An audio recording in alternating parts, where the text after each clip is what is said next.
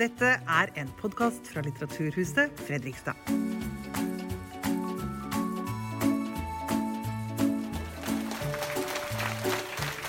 Hei, og velkommen til eh, denne søndagen på Litteraturhuset i Fredrikstad. Eh, Tom Christiansen er stemmen fra Afrika for en hel generasjon radiolyttere og TV-tittere. Han er født i Eidsberg i Østfold og er særlig kjent som utenrikskorrespondent for NRK. Men vi husker han også som programleder for Dagsnytt 18 og Søndagsavisa på NRK P2. Nå er han ute med boken 'Afrikanske fortellinger', som vi skal høre mer om her i kveld. Eh, Samtalen ledes av Atle Sommerfelt, som er biskop i Borg bispedømme. Han har bodd flere år i Botswana, der han er, var generalsekretær i Botswana Christian Council. Vi gleder oss til en time med gode fortellinger. Velkommen opp, og vær så god.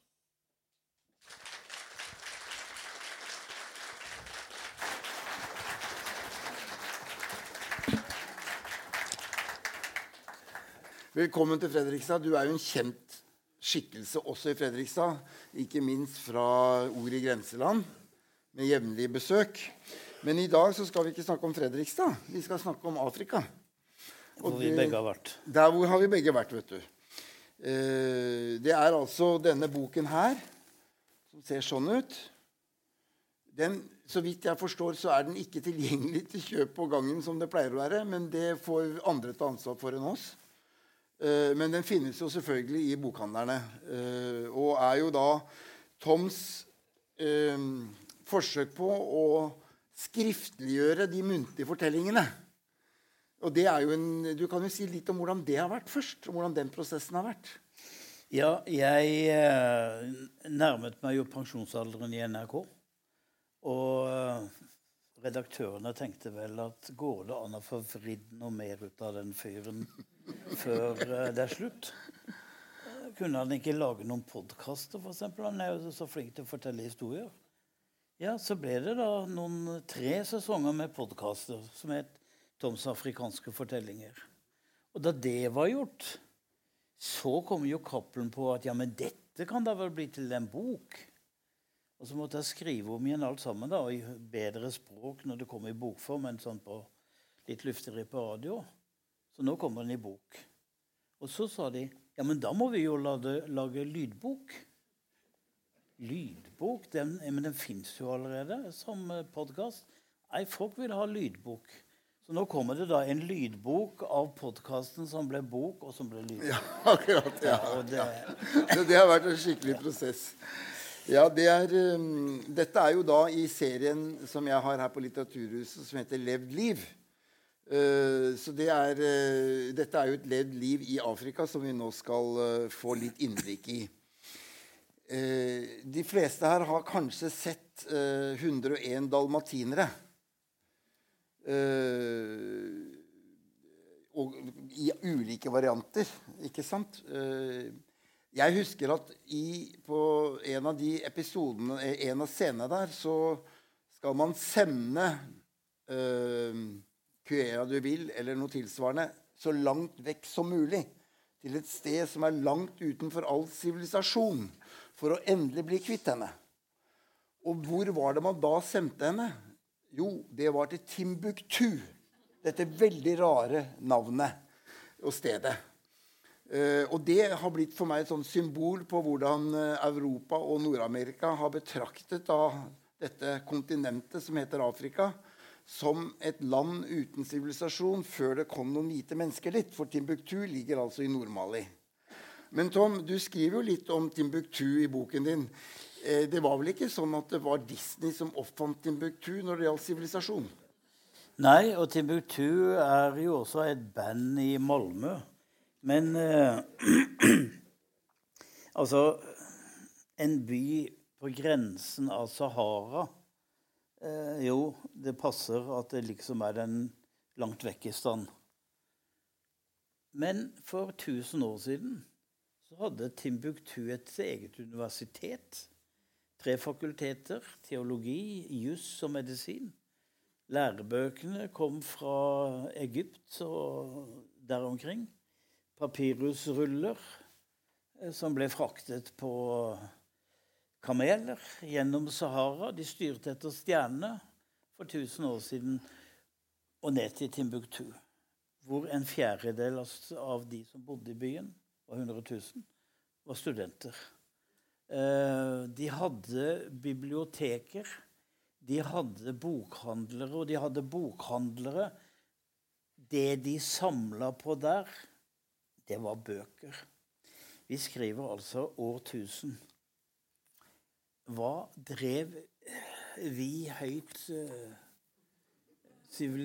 nordmenn med på den tiden? Jo, vi var involvert i terror i Midtøsten. Vi sendte altså korsfarere til Midtøsten for å drepe muhammedanere. Det er sånn som vi kaller folkemord i våre dager. Da var det edel, edel krigskunst. Det drev vi med. De drev og leste bøker. Og de bøkene sto jo i da verdens tørreste bokhyller, kan du si. Og de er der fortsatt. Og da vi 1000 år seinere bomba Libya, så rømte jo Al Qaida fra Libya og sørover ned i, eh, i, i, ørkenen og nedover mot uh, Timbuktu. Og de bestemte seg for at nå skulle de til Timbuktu, bortsett fra å få kontroll over narkotikaruter og sigarettruter og menneskesmugling, så skulle de også utrydde bøkene og moskeene i Timbuktu. Ja, for disse bøkene og Timbuktu var jo på den tiden eh, en del av det eh, islamske herreveldet. ikke sant? Så det var jo islamsk litteratur, ikke bare, men det også. Det var, altså Disse bibliotekene bestod av eh, lærde bøker. Den besto av eh, det man kunne om medisin. Eh, det var dagbøker, det var religiøse skrifter, mange av dem. Men det var feil teologi, og det var det de skulle utrydde. Og disse gutta her, og nå snakker vi om 10-15 år tilbake, pakket en million skrifter og bøker i metallkasser. Gravde det ned i Sahara, fraktet det ut av byen og berget hele verdensarven. Hvem var det, sa du? Det var, Jeg husker ikke navnet på ham, men det var altså en, en uh, av disse bokhandlerne som hadde store samlinger. Og det var jo det de samla på. Ja, altså Så når Al Qaida kom dit og skulle renske opp, så var det ikke så mye igjen? De brente opp 4000 bøker, og det var det hele. Og resten er berga. Og det er berga en gang for alle. Og det er altså norske penger involvert for å berge det, bare for det jeg har sagt, gjennom UNESCO og sånne ting. Men altså Dette er en sivilisasjon vi ikke har hørt om. Og hvis du begynner å spørre hvem er verdens rikeste mann, så kan du glemme både Nicolai Tangen og Bill Gates. For det er Mansi Musa som var Mali-kongen på 800-tallet, var det vel? Nei, 1200. 1200 var det. 1300. Unnskyld, 1300. Som var verdens rikeste mann. Uansett hvordan du beregner alt det. Gull og gullstøv. Han skulle til Mekka for å be. Det skal man, en god muslim gjøre en gang i livet, minst. Så han dro med 60 000 mann. 60 000 mann gjennom Sahara. Er det noen som har begreper om logistikk? Han hadde med gull og gullstøv og brukte så mye penger når han kom til Egypt og ble der en stund at hele økonomien kollapsa og brukte ti år for å få valuta i balanse Og det spredte seg over hele Europa. Han dro til eh, Mekka for å be. Han ba. Og så kjøpte han med seg læremestere og bøker tilbake. Så det de brakte tilbake, det var svære bokstabler som de skulle ha å lese i Timbuktu. Vi snakker om afrikanske sivilisasjoner på et tidspunkt hvor vi står i kneskåla deres. altså. Ja, og hvis du da følger kontinentet østover da, til eh, Etiopia Det var vel heller ikke helt Det var vel også et sted hvor det hadde skjedd noe før det kom noen nordmenn eller noen hvite dit? Ja, og du vet, det vi forbinder med Etiopia, det er jo akkurat nå er det en borgerkrig. Det er en borgerkrig før det. Og så er det sultkatastrofen i 1984 med unger med store mager. Én million av dem døde, fluer i øynene og alt mulig sånn. Det var vel da Bob Geldof, Bob Geldof skulle lære dem om julen, var det ikke det? Jo, det stemmer. Det, er nemlig sånn at kristendommen Det ligger jo mye nærmere Jerusalem enn vi. Så kristendommen kom til eh, Etiopia i år 300. De har vært kristne siden år 300. Når du går i katedralene, de store katedralene, så synger de de samme bølgende tonene eh, som de har sunget i, eh, i alle år. Og så kommer Bob Geldof med sin store kampanje 1983, 84, 85, 84-85. Do they know it's Christmas? Ja, Bob Geldof. De har feiret jul i 1700 år. Og så, og så, så skriver han lenger ned i, i, den sangen Vann. De har ikke vann. Det eneste vann de har, er, de salde, er sine salte tårer. Nilen, Bob Geldof. Har du hørt om Nilen? Som begynner i Etiopia, og som renner ut i havet i Middelhavet, hvor de nå bygger Afrikas største demning, renessansedammen som gir lys i lampa fra Rødehavet til langt inn i Uganda. Det er det de driver med. Det er det De driver med der. De bygger 30 universiteter, jernbaner og motorveier. Og sju av ti jenter går på skolen.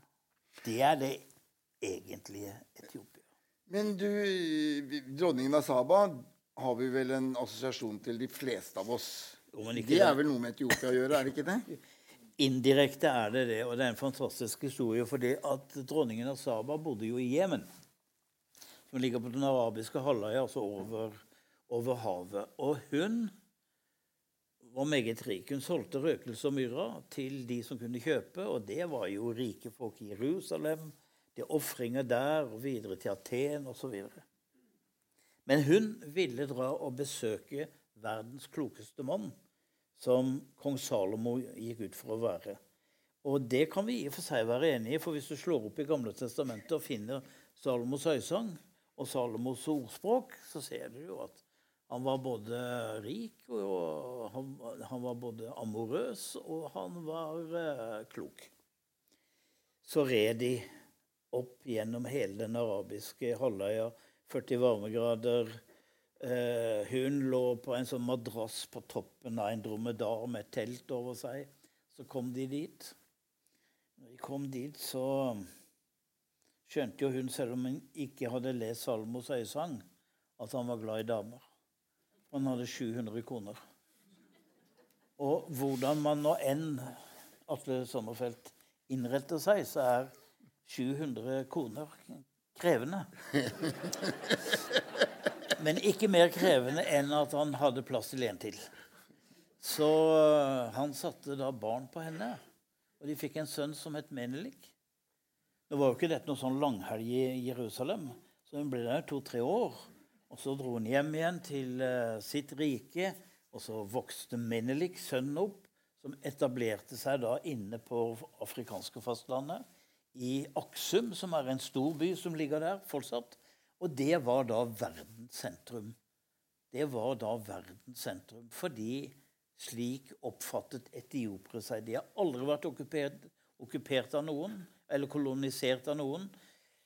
Italienerne prøvde å okkupere dem før krigen, før, før en annen verdenskrig, men lyktes ikke noe særlig med det. Så der etablerte han et keiserrike som har stått i altså 3000 år, helt til vår tid. Og de de hadde noen svære obelisker der i eh, Aksum. Svære, høye, flotte obelisker. Og okkupasjonsmakten Italia stjal to av dem.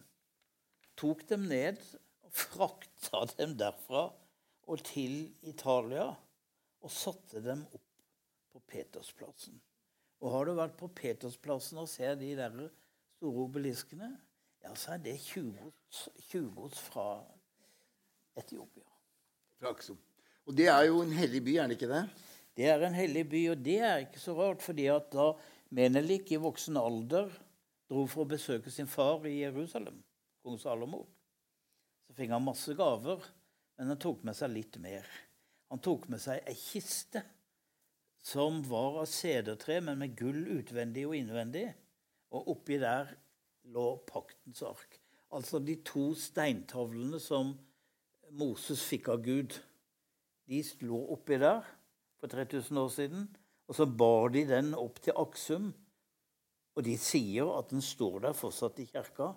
Men jeg kjenner ikke detaljene i din teologi, Atle. Så jeg vet ikke om du er sikker på at Moses fikk to steintavler som var ferdig uthugget den gangen. Og det er kanskje ikke sikkert at den er der, men er du etioper, så bør du tro på det, for det er en del av folketrua. Ja, da, jeg har vært med på feiring der, jeg, i Aksum, og gått rundt uh, stedet hvor paktens ark er. Så den, den, tradisjonen lever. Og det kan jo være en kopi da, som Moses hugget ut. ja, de hadde mye arbeidsfolk. Ja, ikke sant? Uh, men det er jo enda noe mer med Etiopia. Uh, og det er jo Du skriver nemlig et sted 'Vi er alle afrikanere'. Hva mener du egentlig med det? Jo, det er en underlig greie fordi det foregikk noen arkeologiske utgravninger av noen amerikanere i 1974. Og så finner de beinrester på langs ei elv i Afardalen. Hvor ligger Afardalen? Ja, det ligger eh, Er det nord, nordøst? Ja. Det er vel omtrent det. Nordøst. Veldig varmt der. Kjent for veldig mye varme og tørke og andre ting. Men de gravde, og så plutselig så finner de noe som ser ut som en overarm. Er det et bein fra et dyr, eller er det fra et menneske? Finner de ut at det er fra et menneske. Så finner de ut at alle de andre fragmentene de har funnet, tilhører samme menneske. Og det er tre millioner år gammelt. Altså, de har funnet verdens første menneske. Det er derfra vi kommer. Altså, Neandertalerne kom og gikk, og andre kom og gikk. Men mennesket, Homo sapiens, kommer altså fra det elveleiet der. Og en tredel av henne henger nå på veggen i eh, museet i Addis Abeba. Men de, de, fant altså ut at her er hun som har reist seg på to bein og kan gå, og som kan slåss med begge hender og beskytte seg, Hun kan bære et barn, som kan altså gjøre helt andre ting enn forgjengeren vår kunne. Men så er det jo så enkelt ikke sant, at uh, det var jo det året Beatles hadde den der låta 'Lucy in the Sky with Diamond', som sto og dura på stereoanlegget deres. Så de tenkte ja, hva skal vi kalle henne? Skal vi kalle henne for Lucy? Ja, og sånn er det blitt. Verdens første menneske er Lucy. Vi stammer alle fra henne.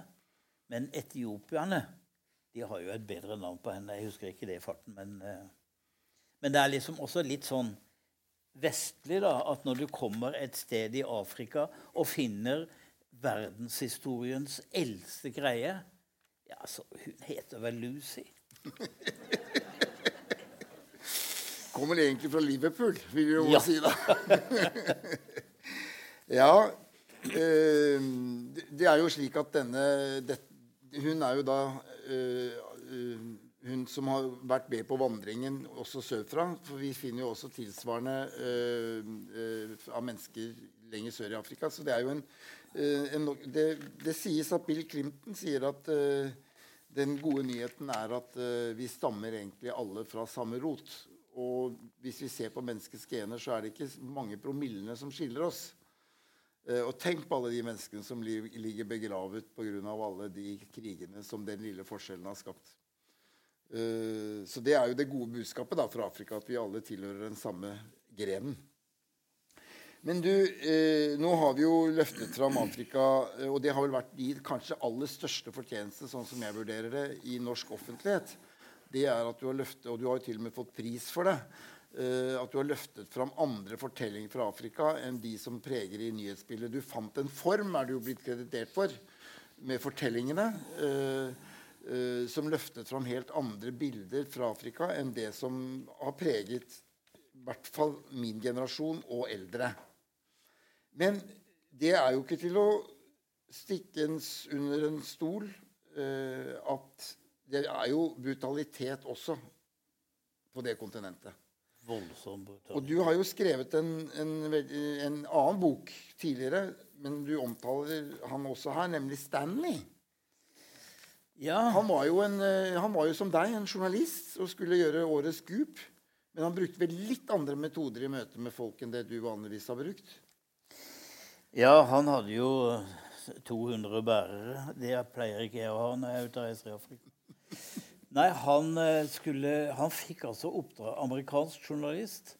Han fikk oppdraget å skulle finne Livingston. David Livingston, den store oppdager og misjonær, hadde blitt borte i Afrika. Han hadde vært borte i tre år. Ingen hadde sett noe til han. Fins han, eller fins han ikke?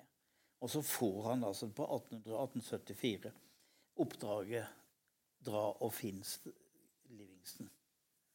Og Stanley drar av gårde. Utstyrer en kjempeekspedisjon med 200 bærere i, eh, på Zanzibar. Seiler inn til Bagamoyo, som ligger på kysten. Og det er der eh, slavehandelen liksom Der de skipes ut. Og derfra skal han gå til Afrikas indre for å finne dr. Livingston. Og jeg har mange ganger lurt på, særlig som barn Åssen i all verden klarte han å finne dr. Livingston i Afrikas mørke, Afrikas indre? Så jeg bestemte meg for å gå den veien. Og da skjønte jeg at det var ikke vanskelig. For alle visste jo hvor han bodde. Han bodde inne ved Ojijin, inne i Tanganyika sjøen. Og derfra gikk det 80 000 slaver hvert eneste år med ei eh, elefanttann, støttann, på skuldra. Og 80 000 som går på én sti. Det blir jo en, en vei etter hvert. Og når de kom fram, så solgte de børa og bæreren. Så det var, jo, det var jo en eh, smart forretningsidé, om ikke helt etisk. Så det var for eh, Stanley å gå den annen vei. Men han, han kunne ikke reglene, han hadde ikke respekt for de folkene som han møtte. Eh, De krangla. De skulle jo ha betalt for at han skulle gå gjennom det området han skulle, og så videre innover. Men han piska sine egne folk fram når de ble sjuke. Han satte dem igjen i veikanten. Han uh, skjøt folk underveis. Han uh, nekta å betale. Midtveis havnet de, havna en i en stammekrig hvor han altså jagde folk inn i stråhyttene og tente fyr på taket, så de uh, brente opp. Og disse massakrene er på en måte det som er bærebjelken i hans suksess som oppdagelsesreisende for å finne dr. Livingston, denne fredshele misjonæren som alle hadde respekt for. Men ingen hadde respekt for han. Og det fortelles jo fra en seinere tur som, som, Stanley hadde, hvor han skulle inn og komme opp til det som heter Uganda. Buganda het det den gang. Og da skriver han i dagboka Dagboka. Han har skrevet det selv. I formiddag lærte jeg noen ord, oversatte jeg noen ord fra, fra Paulus' brever for kongen av Buganda. På ettermiddagen skjøt jeg inn den nye rifla. Jeg traff to. Det var det han gjorde den dagen. Først oversette Bibelen, og så skyte et par negere som gikk forbi.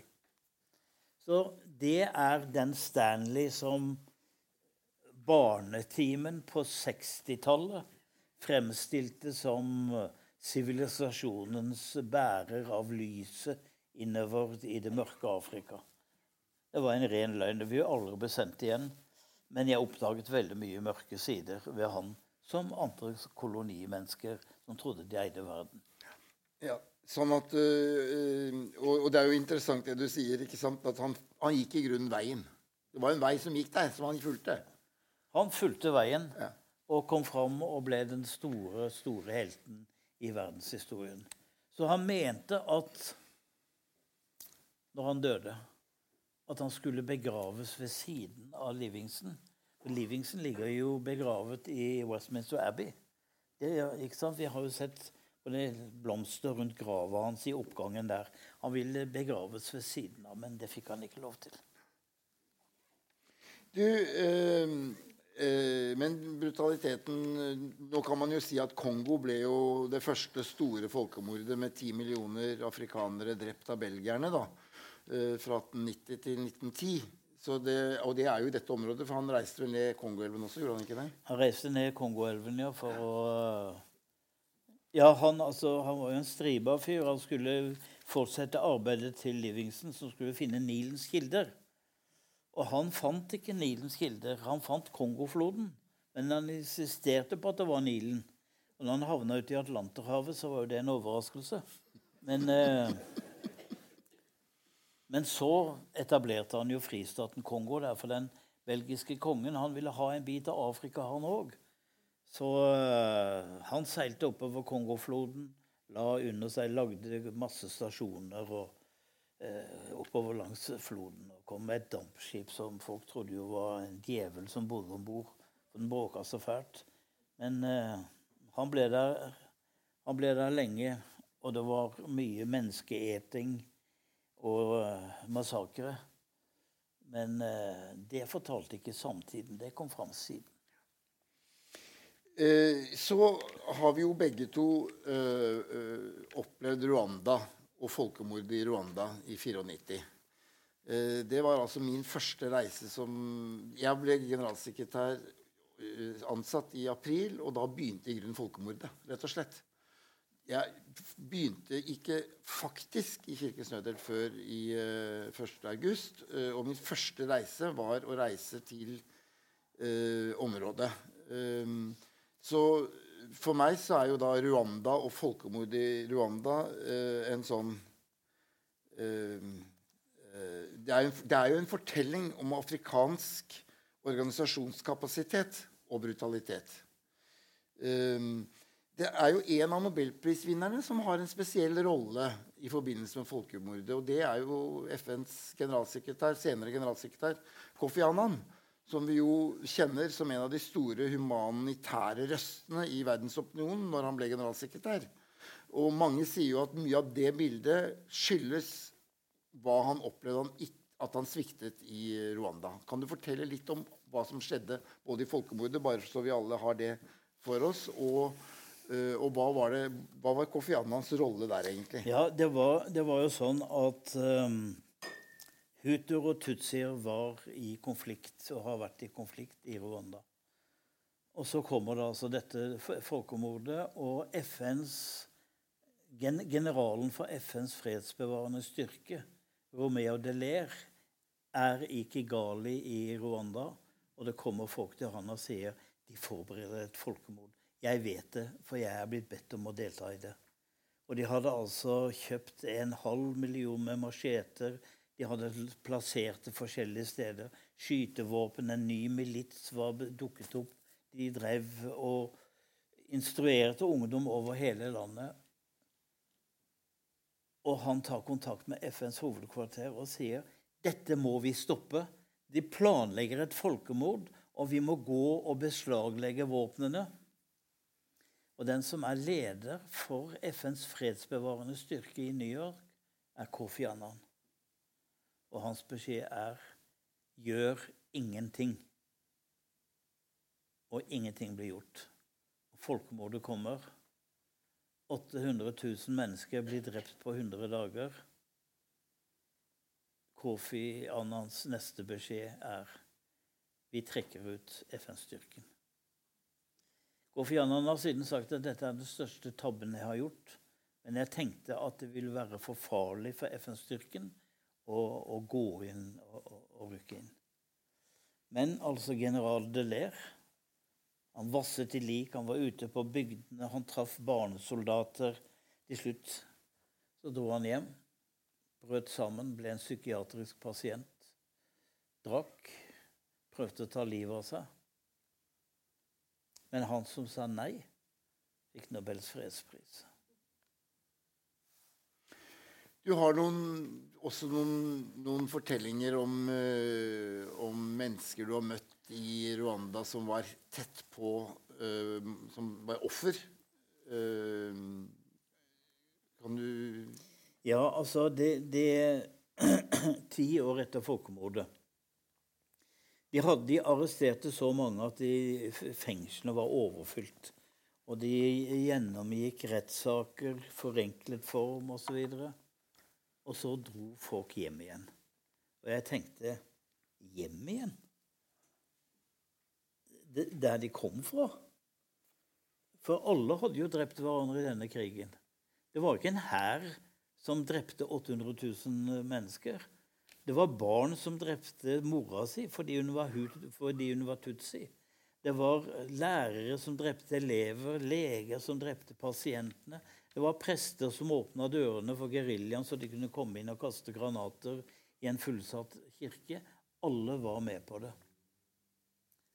Og så etterpå så er jeg invitert til en menighet ute på landet. Det var forresten Kirkens Nødhjelp som hadde et prosjekt i det området.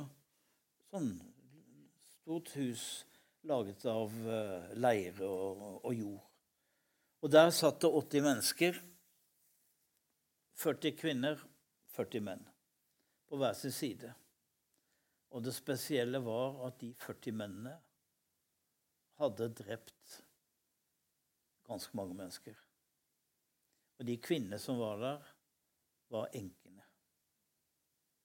Presten sto der i en rutete skjorte. Han sa at 'jeg slutta å være prest her. Jeg, har, etter det som har skjedd Det er noen her som har drept hele min familie, foreldre, kona, barna. Så jeg har ikke ord igjen til trøst og nåde for denne menighet. Men jeg prøver å være noe for dem likevel. Jeg har mista trua. Jaha, så han som drepte familien din, er her? Ja, det er han som sitter der. Pekte han på en fyr. Og Så spurte han, og han fortalte hva han hadde gjort. Så spurte en annen mann hva han hadde gjort. Jo, han sa at uh, vi hadde hørt i radioen at kakerlakkene skulle drepes. Kakerlakkene, det var ordet på tutsiene. Sånn at jeg løp etter naboen og hugga ned. Og jeg fikk også tak i to sønnene hans, men de tre døtrene de fikk jeg ikke tak i. De var som gale. Ja, hva skjedde etterpå, da? Nei, jeg har sona ti år. Og så er jeg nå tilbake her. Og jeg bor i det huset jeg hadde før. Ja, men eh, enka, da? Ja, hun bor i huset ved siden av. Ja, er hun her? Ja, hun sitter der. Og Så gikk han ned og hentet henne opp. Og der står hun holder liksom litt sånn forsiktig på hendene sine. Og så spør jeg henne «Eh, er det sant at det var han som drepte konemannen din. Ja. det var Uh, har du tilgitt han? Ja. Og så sier jeg at det skjønner jeg ikke. Jeg skjønner ikke at du kan tilgi han det. Og så bare retter hun seg opp, og så sier hun at Mosungo, som betyr hvite mann, det må du forstå. Han har bedt om tilgivelse, og da kan ikke jeg si nei. Nei vel. Men uh, dere bor jo vegg i vegg, da. Ja, vi har ikke noe med hverandre å gjøre, sier hun. Han hjelper meg riktignok på åkeren og betaler skolepenger på, for døtrene. Og ellers så spiser vi søndagsmiddag sammen, men ikke noe annet. Nei vel. Nei vel. Slik er folkemord i Afrika. Du har altså den vanvittige volden, og så har du altså tilgivelsen og evnen til å gå videre.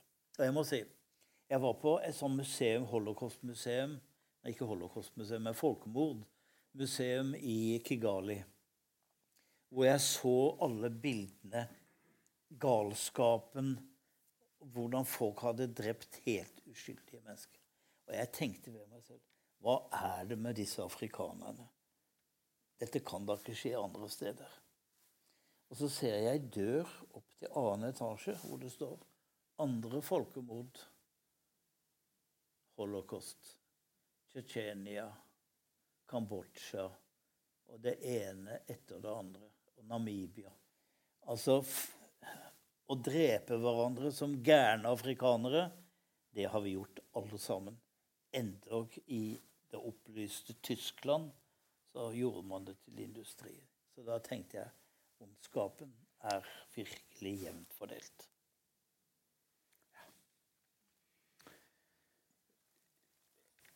Du skriver jo et kapittel her om Gud i Afrika. Uh, Ja. eh, midt i dette Fordi denne fortellingen du nå hadde fra Rwanda, skjer jo i en kirke. Og noe av prosjektene der Prestet hadde mistet troen og ordene. Men, eh, men du sier at eh, du gjenoppdaget, eller fant, du fant en gud i Afrika du allikevel. Ja, altså Jeg har nå alltid vært et troende menneske, men så kommer jeg til Afrika, og så plutselig så jeg ja, Gud er der òg, men han var ikke så lett å kjenne igjen. For han var veldig annerledes. Og eh, det er da du liksom får justert ganske mye. For det som du tror er kristendom, på norsk viser seg å være en liten avart av virkeligheten. Det er mye frodigere og festligere andre steder. Helt annen musikk. Mye mer dans i gudstjenesten. Bedre trommeslagere. Og prestene er jo ganske utrolige, altså. Og for å få uttrykke liksom Når når en afrikansk prest gjerne vil uttrykke at Mandela er håpet om framtida, så sier han det på følgende vis. For han, han preker om utvandringen fra Egypt med israelittene som passerte Rødehavet. Og igjen skal havet åpne seg fra Robben Island og inn til fastlandet på Cape Town-sida. Og Madiba, Nelson Mandela, skal da gå tørrskodd hjem og gi oss det lovede land med stemmerett og eiendomsrett for alle. Amen. Og den som er opptatt av blanding av politikk og religion, kan jo bare studere liksom kampen. Men det var altså plutselig så Det viktigste var kampen mot apartheid for den kirka. Det var ikke så veldig mye snakk om abortloven og seksualvanene til ungdommen. Veldig lite spørsmål om prevensjon i skolen.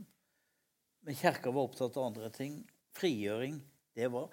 Og, det som var det interessante, det var jo at jeg kommer jo til samfunn som har oversatt Bibelen, og hvor frelse ikke er blitt oversatt til det vi kaller frelse, men til frigjøring, og oppfatter dette som noe her og nå. Altså å bli frelst, det er å bli fri. Fri fra hvem da? Egne synder? Ja, det også. Men først og fremst fra undertrykkere og politi og myndigheter og andre som har holdt folk nede. Og da blir pl plutselig kristendommen eksplosiv og uhyre spennende. Særlig når du får den da på firstemt blues en søndag formiddag. Og det er vel i denne sammenhengen uh, ubuntu-begrepet, som er en bro tilbake til det du forteller fra Rwanda, kommer inn som en del av den afrikanske og afrikanske, både afrikanske og også den kristne afrikanske livsfølelsen. Ja, og det, var, det, var, det tok virkelig lang tid før jeg oppfatta det ordet ubuntu, hva det var for noe. Um, og det, det, er altså en afrikansk oppfatning av fellesskap. Det er noe som er genuint afrikansk. Vi har det ikke. Andre har det ikke. Eh, stundom kan, dugnad kan stundom ligne litt på ubuntu, men det er bare en liten flik av det. Det er altså sånn at det er en helt annerledes tanke, nemlig det at det er bare når vi er sammen her, at vi er mennesker. Hvis vi går i gata eller går i skogen eller er for oss selv, da er vi egentlig ingenting. Vi er bare noe når vi er sammen med andre mennesker. Og det får jo konsekvenser med storfamilien, for alle må passe på hverandre. Det får betydning for jussen, hvor det er sånn at det er ikke den dømmende justis, men altså den tilgivende justis. Når noe har skjedd i en landsby, som er galt. Når noen har voldtatt noen eller stjålet noen, så må vedkommende gjøre opp for seg. Men da må alle bidra til at harmonien kan gjenopprettes. Den som har blitt fornærma, og den som har begått forbrytelsen. Og så arbeider man sammen med det for å få dette på plass igjen. Siden er dette blitt ledelsesfilosofi. Og hvis du ser herrelandslaget i håndball som har timeout, som avslutter med å klaske og si 'Ubuntu', betyr akkurat det samme. Det er bare sammen vi får til dette her. Og denne filosofi brer seg nå utover hele verden. Men den har altså holdt Afrika sammen. Og har på en måte eh, vært det som eh, det, som, det, det som, som, de har brakt inn i den filosofiske verdensdelen. Og så er det noen som, at, som har lurt på hvorfor kristendommen så fort ble populær i Afrika. Og det er noen som sier Det er ikke det minste rart. For det der kjente de da igjen fra før det med tilgivelsen og forsoning og alt det der. Han derre Jesus-figuren var en ny mann. Men det han holdt på med, er jo det vi har holdt på med her bestandig. Uh, ja, du har jo hatt et mangeslungent liv i Afrika, Tom. Uh, uh, en av de mer spesielle uh, karrierene dine var jo som rådgiver for en som vel nå ikke helt er i helte, uh, heltegalleriet ditt, nemlig Salwa Kiir i Sør-Sudan. Uh, uh, du kan jo gi et kort riss om bakgrunnen for at du havnet der. Og så tenkte jeg du da Jeg må jo spørre deg hvordan det er å tenke på det nå. Men må, først kan du fortelle litt om hvordan du kom dit. Og så skal jeg spørre deg, og så skal du få lese om rollshowet. Ja, altså det, Jeg fikk en telefon fra Utenriksdepartementet. Det norske utenriksdepartementet de holdt på med å skulle ansette noen mennesker for regjeringen i Sør-Sudan. Og de ville spørre om jeg kunne tenke meg å være rådgiver for Salwa Kiir, som var den nye presidenten i Sør-Sudan. Og jeg var på vei hjem. Jeg var ferdig med fire år eh, og skulle hjem og se til familie og eh, liksom ta opp til det normale livet igjen. Men får du spørsmål om å være på innsiden av et presidentkontor i Afrika, så sier du ikke nei. Så jeg dro dit, til Sør-Sudan. Eh, og det var jo veldig stas, det, bortsett fra at eh, det var vel ikke så mange andre som hadde sagt ja til den jobben. Det er jo et land som, hvor ingenting fungerte. Et land som hadde fire kilometer asfaltert vei. Det var det hele. Og de holdt til i hver sine hjørner. Og der skulle jeg være kommunikasjonsrådgiver for presidenten. Jeg hadde hver morgen et møte med han hvor jeg fortalte om hva som skjedde i verden og skjedde i regionen. Og så skulle jeg gi råd, og jeg ga råd til presidenten, og det kunne jeg gjøre fordi jeg hadde jo ikke noe jeg, Ikke var jeg dinka, og ikke var jeg nuer eller noen andre stammer. Og ikke skulle ha noe karriere. Jeg skulle være der et par år, og så skulle jeg hjem igjen. Så jeg var ikke redd for å si fra, og jeg ga mye råd om forskjellige ting. Men eh, problemet var at det var jo ingen som kjente Salva Kiir noe særlig. Han hadde vært etterretningssjef under John Garang, som var den store geriljalederen, og som nå hadde falt ned i et helikopter. Så jeg måtte, fikk i oppgave å gjøre ham kjent i et land som nesten ikke har flyforbindelser. Ikke noe særlig telefonforbindelser, ikke noe særlig veier, og folk kjenner lite til hverandre. Så jeg måtte Og jeg har skrevet om dette her, som jeg jo liksom godt kan uh, kan, kan, kan, lese. For han tilhørte jo SPLA, som var det politiske partiet, og som også var hæren, uh, altså geriljahæren. Og han holdt seg i bakgrunnen, og få kjente denne offiseren. Hvordan kunne han bli en folkets mann? Jeg måtte lage en kampanje for å sende ham ut. Et roadshow with the president. Det ble diskusjoner. Sikkerhetstjenesten var imot. Det var for risikabelt å slippe Salva Kiir ut i bushen. Stabssjefen Martin reagerte. Han mente det var helt vilt at Salva skulle menge seg med helt vanlige folk. Han skulle være hevet over dem. Men Salva dro til Rombek, en by bygget på slavehandel og elfenbein, nå med 8000 innbyggere. Han ble mottatt av jublende og dansende kvinner og hadde cowboyhatten på. Det var hans varemerke. Det var forresten ingen hatt fra prærien. Han gikk med en rallarhatt fra Nord-Norge han hadde fått av en norsk diplomat. Salva tok imot guvernør og kirkeledere og andre fra den lokale eliten. Og så var det folkemøte. Han siterte John Garang det er dere som eier freden. Ta godt vare på den. Vi var kommet til det omstridte som jeg hadde planlagt. Salva skulle snakke med folk. 15 utvalgte enker bukket og neiet seg inn i guvernørens hage, der Salva satt i en dyp stol. Damene satt på trebenker. Og så fortalte de om livet sitt og hva som plaget dem hva som skulle til for å få endene til å møtes. De hadde kledd seg i fargerike kjoler, noen i høyhælte sko.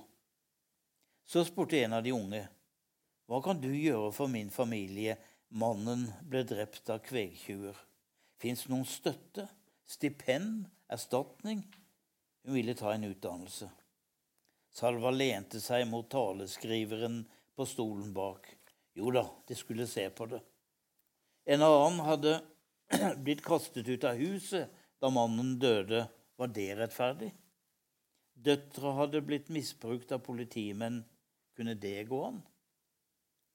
Nyheten om at helt vanlige kvinnfolk hadde snakka med the big man, gikk fra hus til hus, fra landsby til landsby. Damene hadde også stilt kritiske spørsmål og fortalt om overgrep, akkurat det stabssjefen hadde fryktet. Men Salva var opprømt. Han ville treffe flere, kanskje på radioen. Ingen dårlig idé, Deres Eksellense, men ikke ansikt til ansikt med folket. Det ble for vulgært og for farlig for staben. I stedet dro vi til skolegårder og markedsplasser og gjorde opptak. Vi spurte om du traff presidenten, hva ville du spurt han om? Det ble til mediesuksessen Ask the President, som ble sendt om igjen og om igjen. Det var barn som hadde mistet foreldre og lurte på framtida. Her var tanker om tørken. Kvinnene på markedet ville vite om veiene skulle fikses. Og politiet kunne de bare fare frem og slå ned folk? Så skulle han svare, og jeg så begeistringen hans over å møte folks tanker og krevende spørsmål. Noe har jeg da fått gjort i Afrika. ja. ja, Salwa Kiir er vel ikke av de du nå har høyest oppe på heltelisten, som sagt? Nei, det er jo gått veldig galt i Sør-Sudan. Har du noe kontakt med han? Nei, men jeg har truffet han noen ganger. Traff han i Addis Abeba en gang. Og Så spiste vi lunsj sammen, og så har jeg fått litt sånn innimellom kontakt. Men altså, han har feilet. Han er vel blitt syk. Det var han allerede den gang. Med en diabetes som ikke er i orden. Overforbruk av alkohol. Eh, familievold som han er involvert i. Alt dette sammen med de konfliktene, det berget av konflikter han har, og hvor han med sin militære bakgrunn Han har jo folkeskolen og et eh, kort kurs i eh, som militær. Men det er det, som, det er det, han kan. Så han vet å slå fra seg, men han vet ikke noe om forsoning. Eh, nå skal jeg se på klokken. Ja, vi er, vi er, ikke så verst i rute. Her kunne vi holdt på lenger, hører dere. Og jeg bare anbefaler dere Dere hørte jo røsten nå eh, fra boken. Og sånn er den, bare for å si det. Eh, så det er bare å glede seg til en, eh, en leseopplevelse uh, i, i, denne afrikanske fortellingsboken. Og, og hvert kapittel er selvstendig. Så du Helt riktig. Så du kan lese om kvelden, og så sovner du. Og så trenger du ikke å tenke på at du er nødt til å huske det når du begynner på neste kapittel. Det er, så det er en veldig eh, handy bok. Men jeg må få spørre deg, for noe av det som jeg syns eh, også særpreger denne, disse fortellingene dine, er jo at du rett som det er, så, så er det jo noen mennesker du forteller om, som plutselig dukker opp her i Norge. Uh, og en av de er altså Anna Koffa Johnson fra Liberia og Lier. Uh, det er en lengre historie, men du kan jo ta eh, oppsummeringen av den. Altså, det er jo en helt forferdelig historie, egentlig. Men jeg var altså i Liberia. Presidenten var nettopp blitt skutt. Og jeg satt i Monrovia sammen med han som drepte ham. Og det var en geriljaleder som het Prince Johnson. Og han var også gått ned i flaska, for å si det sånn, og mye annet rart òg. Så han fortalte meg hvordan han hadde drept og partert president Samuel Doe. Ja, og hva er så framtidsplanene dine? Jeg skal studere teologi. Ja, hvor har du tenkt å gjøre det? Eh, nei, i Nigeria. Så når krigen er over Det er slik at eh, den som fører krigen, skal ikke styre landet. Jeg skal ikke styre landet. Men eh, jeg skal, jeg skal, vinne krigen. Og til slutt så gjorde han jo ikke det. Det var Charles Taylor som vant den, den, den, krigen. Og han måtte stikke av med alle konene og alle ungene. Og førstekona var jo den verste. Altså, hun var så, så gjenstridig at han satte henne i fengsel ved jevne mellomrom. Han hadde et eget fengsel for koner. Og hun hadde en datter som da selvfølgelig het Princess. Og så dro de. Styrta av gårde til Nigeria. Og Der skulle han begynne på teologien, men han kom ikke så langt, for han havna i politiet. Og så ble han arrestert, og så var det veldig mye frem og tilbake. Men huset, han hadde et svært hus med fire koner og, og, og 15 unger, og det var jo Han banket dem jo opp og det var forferdelig. Til slutt klarer førstekona å rømme. Hun og dat dattera. Og FN tar hånd om dem. De blir gående på et asylmottak i, i eh, Lagos i et år før de finner et sted de kan sendes. De hadde valget mellom Skandinavia og Australia. Og når du sitter sånn kommer rett ut fra de der greiene der, så er jo ikke det lett å vite hva du skal velge. Men de hadde nå hørt forskjellige bra ting om Norge, da. Skandinavia var det Så jo, det var greit. Og de lander da på Gardermoen. Og aner ikke hvor de er. Og aner ikke hva dette er for noe som de går og tråkker i. Hvitt og kaldt. Men de blir plassert på et asylmottak, og siden plassert i Lier utenfor Drammen. Hvor uh, kona til uh, prins Johnson hun blir sykepleier, tar seg utdanning. Og dattera vil bli norsk, men får beskjed av politiet at her i landet kan du ikke hete Princess, vet du. Det går ikke an. Nei, så mora fant ut at hun måtte hete Princess Anne. Var det greit? Ja, det var greit. Og den som følger med på poplistene i Drammensregionen, vil finne at der er Princess Anne ei stjerne, altså. Og deltar i konkurranser og skal etablere seg i USA og bli stor stjerne der. Det skal man gjerne bli. Men hun har da tatt universitetsutdannelse og har ingen kontakt med sin far. Men hun har telefonnummeret. Og hun ble veldig nysgjerrig når jeg ringte henne og fortalte at jeg kjenner faktisk faren din. Jeg har vært hos han og besøkt han. Det ville hun høre alt om. Men jeg fortalte ikke alt om faren hennes. Nei. Det kan hun lese i boka, da. Ja. Eh, det, det, er jo en fantastisk fortelling. Eh, de to forholdene mellom Lier og Liberia er vel det eneste de har felles, er vel Ellen. Det er absolutt det eneste. Ja. ja. Tom, vi nærmer oss slutten, eh, men vi har jo nå begge hatt en eh, interessant tid i oktober. Fordi eh, en av de vi begge har relasjoner til, eh, har jo fylt 90 år. Nemlig erkebiskop Desmond Tutu.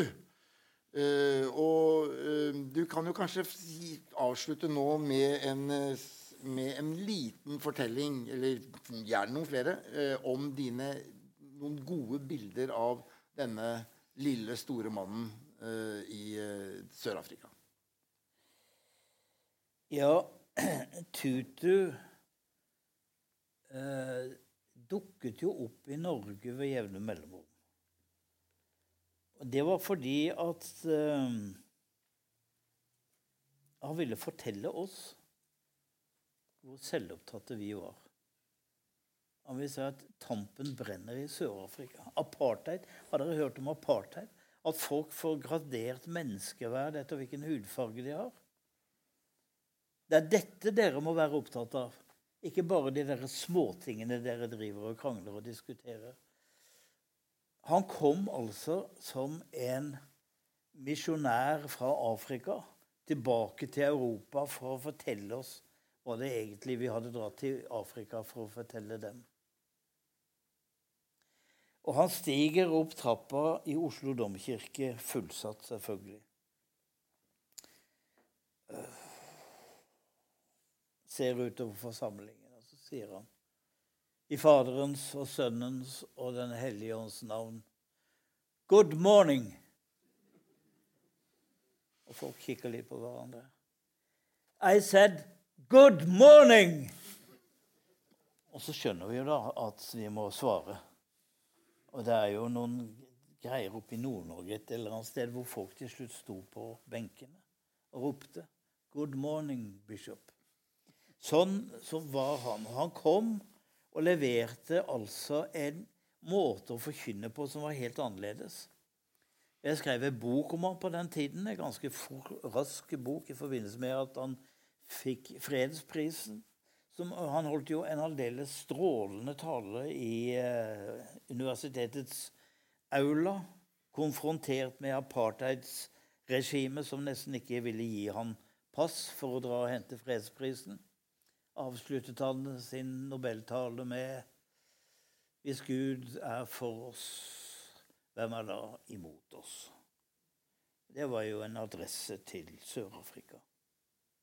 Og han fortalte oss også, som var jo en sjokkerende opplysning, at Gud står på de fattiges side.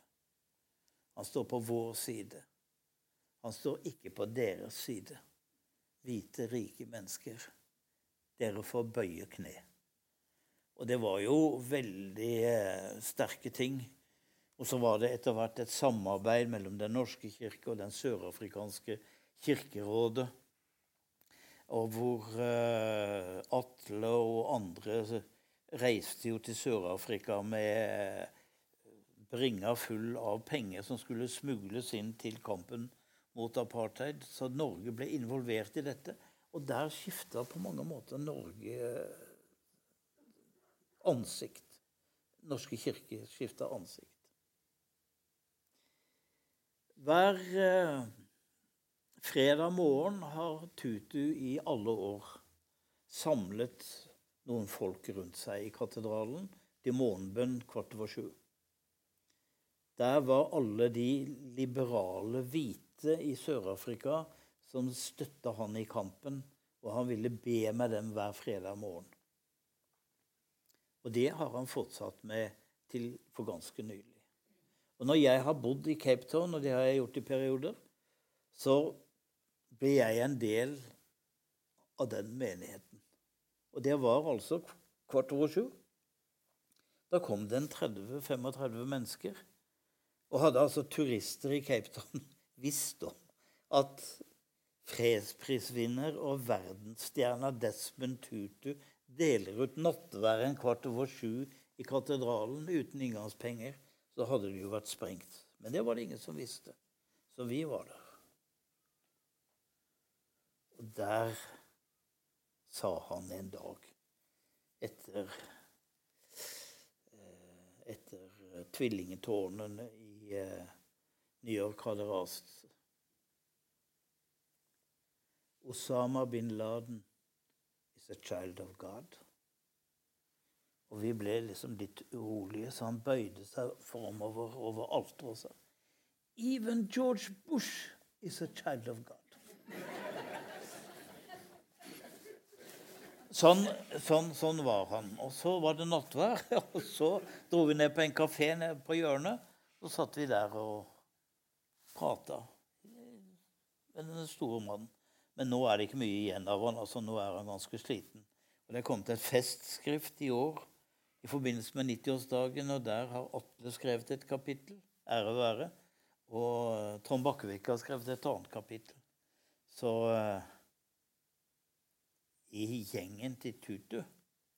De husker Norge. De, for Norge spiller det en stor rolle fordi på et tidspunkt hvor ingen andre støtta kampen mot apartheid, så var det to land som gjorde det, og det var Norge og Sverige. Andre land gjorde det ikke. Og Derfor var det slik at da ANC hadde sitt første møte etter at eh, apartheid var over,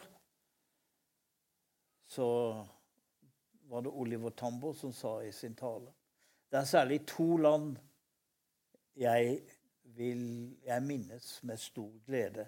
Og jeg kunne se hvordan nederlendere og, og russere retta seg i ryggen. That is Norway, and that is Sweden. Så det skal vi da ha. Det skal vi ha. Det skal vi ha. Det er helt sikkert. Eh, takk skal du ha, Tom. Eh, vi har fått et lite glimt av eh, Toms afrikanske fortellinger. Uh, og det er altså meddrivende fortellinger. Og det er opplysende fortellinger. og vi håper jo at det ikke er din siste bok.